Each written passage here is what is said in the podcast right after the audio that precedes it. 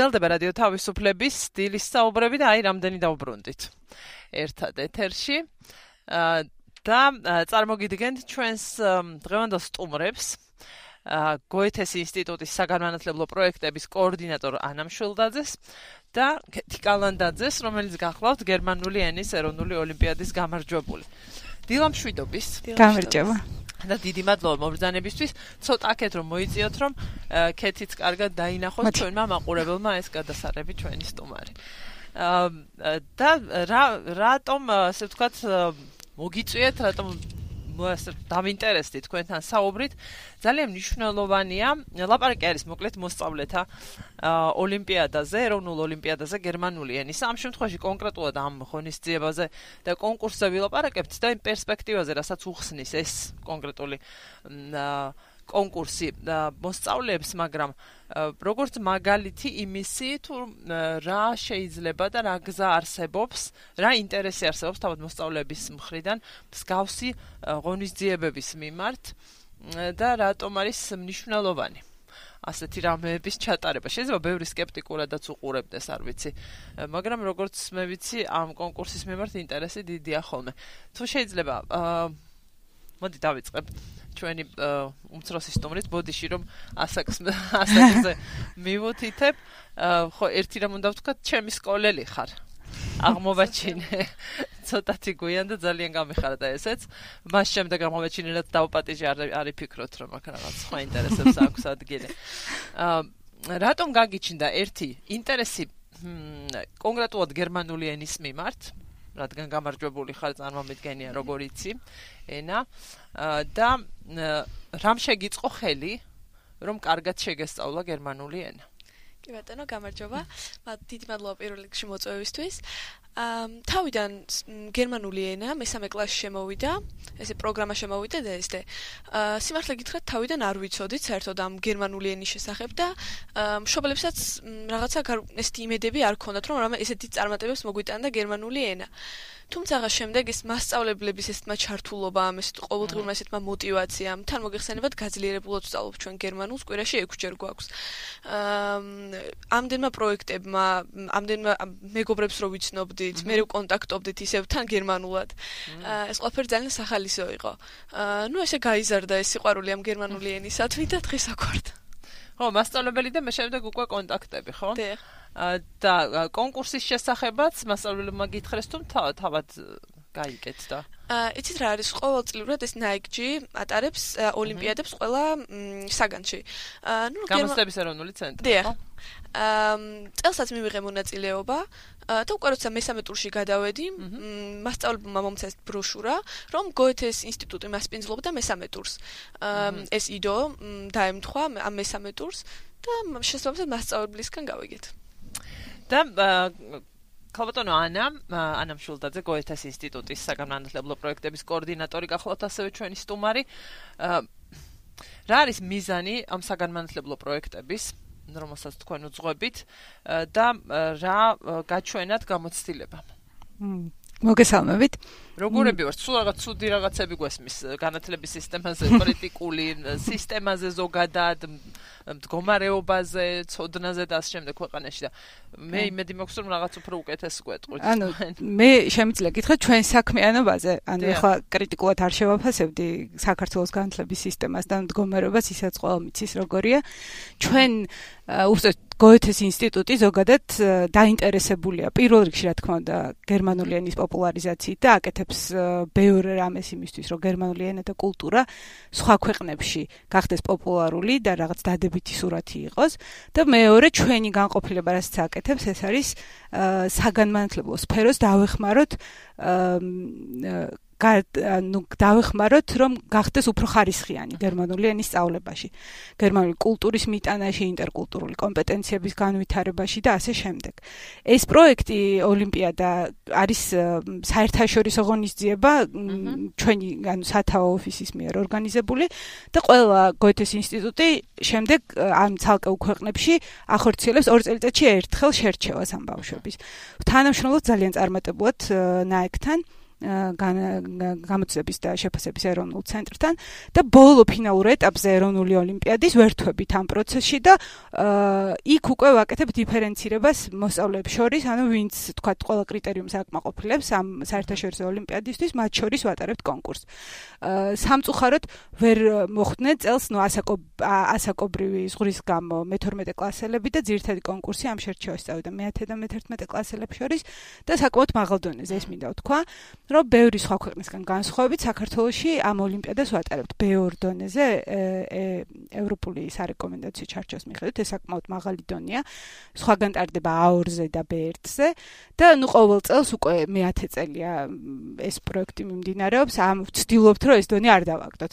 ნუ ჯერჯერობით გვაქვს ამის საშუალება რომ საქართველოში ასეთი მაღალი დონის მოსწავლეები შევარჩიოთ და ნუ ასე მოხდნენ ეს საუკეთესო ბავშვები ჩვენ. ხო, მეორეზეც უნდა ვთქვა, გამარჯვებულზე, ხო? გარდა ქეთევან კალანდაძისა, რომელიც დღეს ჩვენი სტუმარია, გამარჯვებული გახლავთ. ელენე მინდიაშვილი 195 საჯარო სკოლის მოსწავლე და მიდიხართ დრეზდენში. აა ცოტა მოგვიანებით მოგზაურობასთან დაკავშირებით დღეს იცით რა ვითარებაც არის და რა განწყობთ გეშინიათ კორონავირუსის? მაგრამ ის ეცნობით ინფორმაციას რაც ვრცელდება დიახ, რა თქმა უნდა. თქვათ იგივე სიფრთხილეზე და ასე შემდეგ. არის ინტერესი, ხო, თქვენს თანატოლებშიც.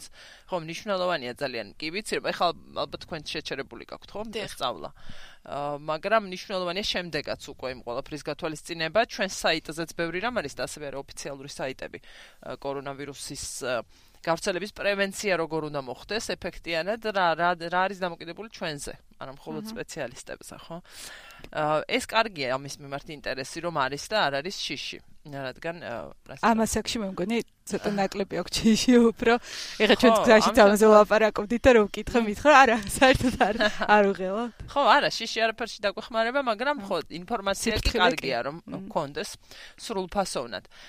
ესე იგი ზაფხულის ბოლოსკენ აგვისტოს დასაწყისში არის ეს დაგეგმილი მიდიხართ საერთაშორისო ოლიმპიადაზე რამეს ემზადებით კიდევ? იცნობთ ხო მეორე გამარჯვებულსაც უნებრივია ერთად მიდიხართ თან. რაღაცა ემზადებით კიდევ დამატებით ნერვიულობთ თუ არ თუ ისე მოლოდინები გაქვთ რაღაც როგორც უკვე ვახსენე, სკოლაში მოკლედ ყველა გადართული არის, თქვათ, გერმანულზე, ამიტომაც ესე დამატებითი მომზადება. პრინციპში გამოგვიმუშაოდა მესამე კლასიდან იქნება ეს ჯგუფური მუშაობა, სხვადასხვა კულტურის წარმომადგენლებთან კომუნიკაციის უნარი. აა, ну, რა თქმა უნდა, სანამ წავალთ, კიდევ უფრო კარგად გავეცნობით ამ პროექტის შინაარს. აა მაგრამ ვფიქრობ, რომ მაინც ეს მესამე კლასიდან რაც მოგდებს, ძალიან გამჯდარი გვაქვს და ჩემი აზრით არც მე და არც ელინეს არ გაგვიჭirdება ამ სხვა კულტურის წარმომადგენლებთან ერთად ურთიერთობა. რაში მდგომარეობს ეს კონკურსი, ვიცით? ვიცით რა, აი მე დავამატებდი, რა ხდება განსხვავებული, რაც არ ხდება სხვა ოლიმპიადებზე, რასაც საქართველოში ძირთად რაში მონაწილეობენ მოსწავლეები. ამ კონკურსის შერჩევაში, რომელიც ზეპირი ფორმით იყო, ფასდებოდა გარდა ენის ცოდნისა. სამი რამ ერთი იყო ჯგუფური მუშაობა. ანუ როგორ შეუძლიათ მოსწავლეებს ერთად იმუშაონ ერთი მიზნის მისაღწევად. შემდეგი იყო კრეატიულობა და ნუ რა თქმა უნდა დამოუკიდებელ პრეზენტაციის უნარი, ინდივიდუალური პრეზენტაციის უნარი. ეს ზეპირი გამოცდა მიდიოდა ჯგუფური ფორმით, ანუ სამი მოსწავლე ერთად წარადგენდა ერთ თემას. თემა წელს ქონდა ძალიან საინტერესო, ეს იყო საზღვრები და ქონდათ 1 საათი მოსამზადებელი დრო ამ ჯგუფებს, რომ თემაზე საზღვრები მოეფიქრებინათ პრეზენტაციის ფორმა და ტექსტი. აი ეს იყო თავისუფალი იყო. აი თუ კეთი გეტყვით თვითონ რაზე გააკეთე ეს პრეზენტაცია. ზოგადად. კი, ზოგადად ეს საშინელება როგორ დავიძაბებოდი მოხდა. აა დიახ, ნუ ახსენეთ რომ სამ-სამი ბავშვისგან შედგებოდა ჯგუფი, თუმცა ჩემ ჯგუფში ორი ბავშვი იყო, ესეთი გამონაკლისი იყო. აა ну, ზოგადად ეს სიტყვა საზღურები ძალიან დიდ ესე თქვათ ინტერპრეტაციის საშუალებას იძლევა. აა მე თავიდანვე წარვადგინე ჩემი შეხედულება ამ თემაზე. უფრო გავამახვილებდი, უფრო გავამახვილე მე უფრო სწორად ყურადღება ეს ადამიანურ ურთიერთობებში ეს საზღურები. აი მაგალითად დღეს რო ხშირად ვხვდებით, მაგალითად დისკრიმინაცია კულტურის, რელიგიის, კანისფერის გამო. აა და დავყავით ხოლო ჩემმა მეწყვილემ აა კი რაღაც პირდაპირ იერიში მიეტანა აა ადამიანის შესაძლებლობა შესაძლებლობებზე, რომლებიც უსაზღურო არის. აჰა. აა ჩვენ შევეცადეთ, რომ ეს ორი თემა გაგვერთიანებინა. აა ვიზუალური საშუალებაც ქონდა, რომ წარგვედგინა ეს პრეზენტაცია და მოკლედ პლაკატზე დავყავით საზღვრების ორი ტიპი. ერთი ტიპი, რომელიც უნდა გადალახოს ადამიანმა, ეს ადამიანური ურთიერთობის საზღვრები განვიხილე მე პირადად. აა და სლოგანის დაურთეთ, რომ ყველა ადამიანი თანასწორია და ყველა რო ადამიანები ვართ, ხოლო მათემ განიხილა უკვე რომ ის საზღვრები, რომლებსაც ცოტა უნდა ვუფრთხილდეთ, მაგალითად განვიხილეთ ხელოვნური ინტელექტის მაგალითი, სადაც ნუ მომავალში იგეგმება რომ რობოტებმა ადამიანები ჩაანაცვლონ, ასე ვთქვათ, და ბოლოსში გამოვიტანეთ დასკვნა რომ ეს ადამიანური ღირებულებები და ეს ადამიანური შესაძლებლობები არ უნდა იყოს ერთმანეთთვის რაღაც საპირისპირო ორი რამ, არამედ ისინი უნდა აურცობდნენ ერთმანეთს. აუ რა მაგარი იყო მართლა. გავგიჟდი. 1 საათი ძალიან ცოტა დროა, ხო თან? არ ნერვიულობდით? დიახ, რა თქმა უნდა, მაგრამ უნდა აღნიშნო, რა თქმა უნდა, ისე არ იქნება, რომ თვითონ მეწყვილეც იმდენად ისეთი მოტივირებული იყო, რაღაც შეუწყეთ, ვფიქრობ ერთმანეთს ხელი. მეწყვილე მეხუთე ადგილი დაიკავა. და გოითეს ინსტიტუტი. მათე ღვინჯილია, ხო? დიახ. აა მათე მოგესალმები. და რაც შეეხება იქ რა იქნება, ვიცით უკვე? არა, ეს თემა არის უცნობი, ერთადერთი რაც ვიცით. ორი კვირა, პრინციპი ვიცით, ეს არის ორი კვირა. აა ზოგადი ჩარჩო არის ასეთი. 60 დაახლოებით 75-76 ქვეყნიდან, თითო ქვეყნიდან ორი მოსწავლე გამარჯვებული ჩავა. ორი კვირის მანძილზე ექნებათ ვორქშოპები. მოსამზადებელი სამუშაოები და მე მეორე კვირაში არის საკონკურსო ეტაპი. სადაც ასევე ჯგუფური მუშაობა, ოღონდ უკვე ინტერკულტურულ ჯგუფებში, თუ ინტერნაციონალურ ჯგუფებში, აა ქართველი, ამერიკელი და რაღაც ჩინელი, ვთქვათ, ერთად იმუშავებენ ერთ თემაზე. თემა რა თქმა უნდა ჯერ უცნობია, მაგრამ იქაც იგივე პრინციპი, მაგრამ პირველი კვირა იქნება მოსამზადებელი. ანუ იგი ასწავლიან კიდეც, ვთქვათ, ამ ტექნიკებს ჯგუფური მუშაობის უფრო გააძლიერებენ ამ თემას. და ნუ იქ ყველაზე დიდი აქცენტი მიდის იმაზე, რომ ამ მოსწავლეებმა ორი კვირის მანძილზე შეისწავლონ, შეისწავლონ, შეისწავლონ განივითარონ ინტერკულტურული კომუნიკაციები და ეს ტოლერანტობა არის უმნიშვნელოვანესი ასეთ ინტერკულტურულ ჯგუფებში და ასე შემდეგ. და ბოლოს გამოვლინდება იქაც სამი გამარჯვებული. აჰა. სამი ამდენი ბავშვი რა. თქმა კი საკმაოდ მაგრამ ნუ აქ პრინციპი ერთია მინდა გითხრათ რომ ეს სამი გამარჯვებული სამი ბავშვი. აჰა სამი გამარჯვებული არის უმნიშვნელო, იმიტომ რომ აქ მოხვედრა ამ ოლიმპიადაზე და მონაწილეობა უკვე ისეთი სიმდიდრე და შენაძენია მოსწავლეებისთვის, რომ ხო, პრინციპში არ მახსოვს, რომ ვიღაცას გული დააწყვეტო და რომ ვერ გავიმარჯვე, არ არ ყოფილა ეგეთი განცდა. თან ისე ისე დაიწყო ჯელობა და ის ეთერიდან გასვლა მამილა ცოტა მომერი და კიდეც. ძალიან მაგარი გოგო ხარ. და რა მაინტერესებს კიდე ვიცით? რა რაღაცნაირად ახლა ესე არ მიყვას რა რჩევას მიცემდით თქვენ თანატოლებს კი არა მაგრამ აა ეს არის წარმატება და ეს არის მნიშვნელოვანი ცხოვრების ყველა ეტაპზე მნიშვნელოვანია როცა რაღაცა იცი შემდეგ რაღაც თქვა კონკურენციაში შედიხარ და ცოდნით აღწერ წარმატებას. ეს არის ამ ეტაპზე შენთვის წარმატება. რა როგორ აანალიზებ იმას თქვა რა გზა ახსენე მასწავლებლები თუ ერთი მასწავლებელი ყავდა სულ? აა იცით რა არის? მესამე კლასიდან დავიწყე. დიახ, მესამე კლასიდან ძირთადად ერთი მასწავლებელი მოყვება, თუმცა რა ქვია მასწავლებელს თქვა? აა ზეიკო მურჭიკნელი. მოგესალმებით. და ხო, იმიტომ რომ ძალიან ესე თქვა დიდი როლი შეუსრულებია. ყველა თქვა შენს კლასელებსაც ასეთივე ინტერესი აქვთ და ასევე მონდომებით. დიახ, ზოგადად დიახ, გერმანული შესწავლა რო დაიწყო, მაშინე მოხდა ჯგუფების დაყოფა, ანუ ჩვენს ქვია მიზნობრივი ჯგუფი, სკოლას ვამთავრებთ ორი დიპლომით, C1 უმაღლესი დონით. შესაბამისად, ყველა ბავშვი არის მოტივირებული, რომ გაკვეთილის პროცესში მაქსიმალურად მეტი მიიღოს მასწავლებლისგან, სახში წაიღოს. აა და კი, აბსოლუტურად ყველა ბავშვი ესე არის მოტივირებული. ნამდვილად. მხოლოდ გერმანულში თუ აა იცით როგორ არის? აბა როგორ? აა თამამად შემიძლია ვთქვა, რომ გერმანულმა ენამ თავისი კულტურით და შემდეგ ისე შეგვეყვა, ისე შეგვაყვარა თავი, რომ თითქოს ეს ინგლისური და რუსული ეს მიზნობრივი ჯგუფის ბავშვებისთვის თითქოს უკანა პლანზე გადავიდა. თუმცა ვერ ვიტყოდი, რადგან ისევე დიდ ყურადღებას ვაქცევთ სხვა ენებსაც, თუმცა პირადად ჩემთვის გერმანული ამ ეტაპზე უფრო პრიორიტეტულია. ხო, რა მნიშვნელოვანია ამ ეტაპზე, რას დებ მოზარდებში და ვინ არის მათთან და რამხელა მნიშვნელობა და ეს აქვს. მსმენელს შეგახსენებთ და ჩვენს მაყურებელს, რომ დღეს გადაცემის მეორე ნაწილში ჩვენ ვლაპარაკობთ გოეთეს ინსტიტუტის გერმანული ენის ეროვნული ოლიმპიადის გამარჯვებულებზე, ოლიმპიადაზე. ერთ-ერთი გამარჯვებული ჩვენი სტუმარი გახლავთ, ქეთევან კალანდაძე, კიდევ ერთი გამარჯვებული არის ელენე მინდიაშვილი და ისინი ზაფხულის ბოლოს მიემგზავრებიან დრეზდენში საერთაშორისო ოლიმპიადაში მონაწილეობის მისაღებად და საერთოდ არ ღელავენ, როგორც ვთქვი. და დიდი აზარტი აქვთ 298327-ია ჩვენი ტელეფონის ნომერი. ჩვენი სტუმარი გახლავთ ასევე ანამშულდაძე გოეთეს ინსტიტუტის საგანმანათლებლო პროექტების კოორდინატორი და ვლაპარაკობთ პროცესზე ამ ამ კონკრეტულ მაგალითზე იმისა თუ რა შესაძლებლობები არსებობს და რა არის საჭირო იმისთვის რომ ეს შესაძლებლობები მოზარდებმა გამოიყენონ. დილამშვიდობის ზარი გვაქვს ეთერში ხართ გისმენთ. არ მესმის. აა, გამარჯობა, კი მესმის. მიესალმებით თქვენ სტუმრებს. ძალიან კარგია რომ ჩვენი ახალგაზრდები დიდი სიამოვნებით სწავლობენ ევროატლანტიკური ქვეყნების, ნატოს ქვეყნების ენებს.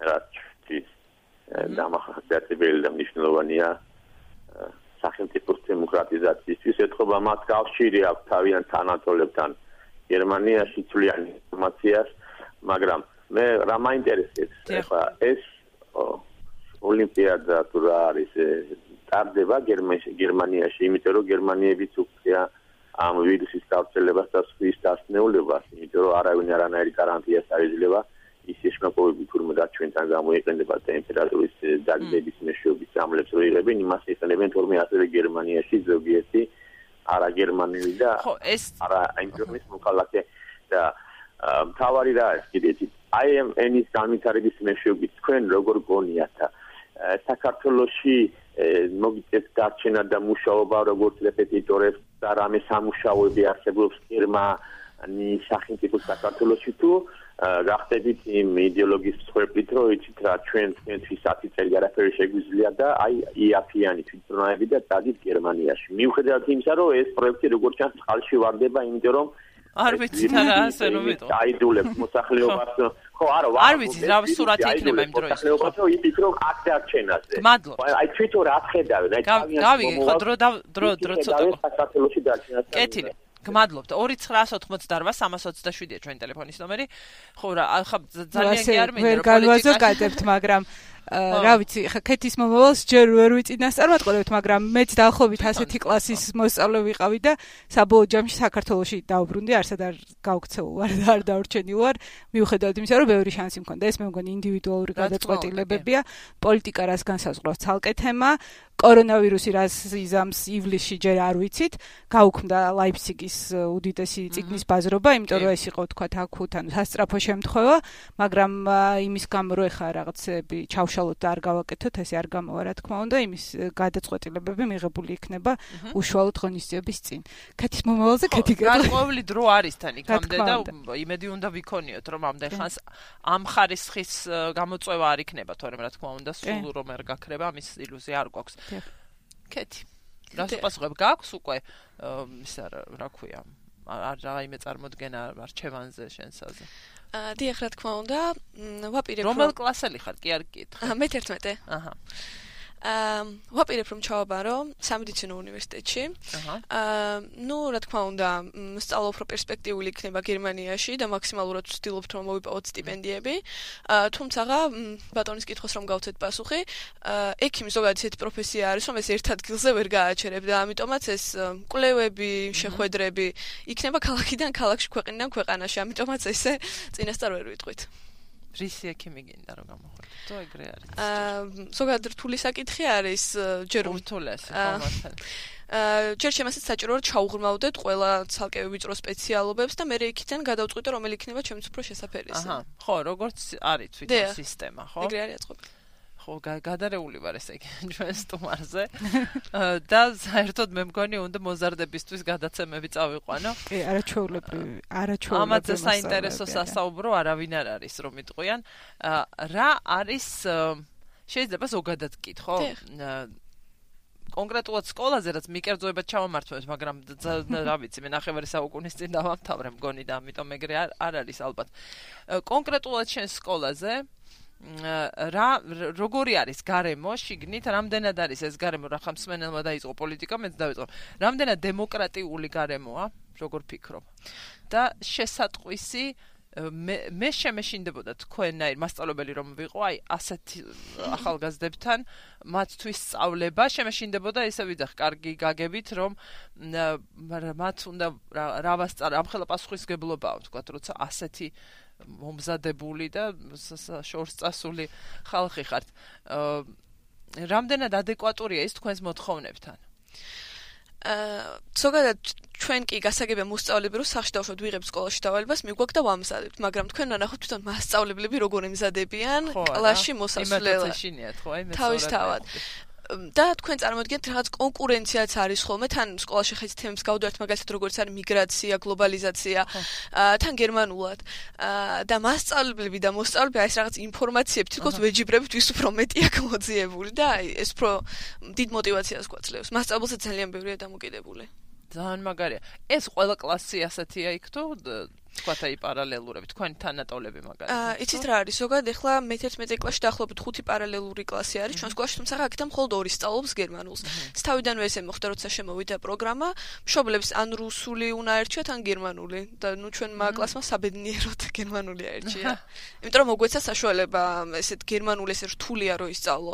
და რუსული ხა მოგიხსენება ზოგ ოჯახშიც ერთ-ერთი მთავარი ენა არის სასწავლად ისიც რთულია აა დიახ რა თქმა უნდა ინგლისურზე რა ხდება? ინგლისურს მეორე კლასიდან სწავლობთ და ესეც ა ეს თავისთავად იგულისხმება. ა დიახ. ხო, ეს ანუ ისედაც არის.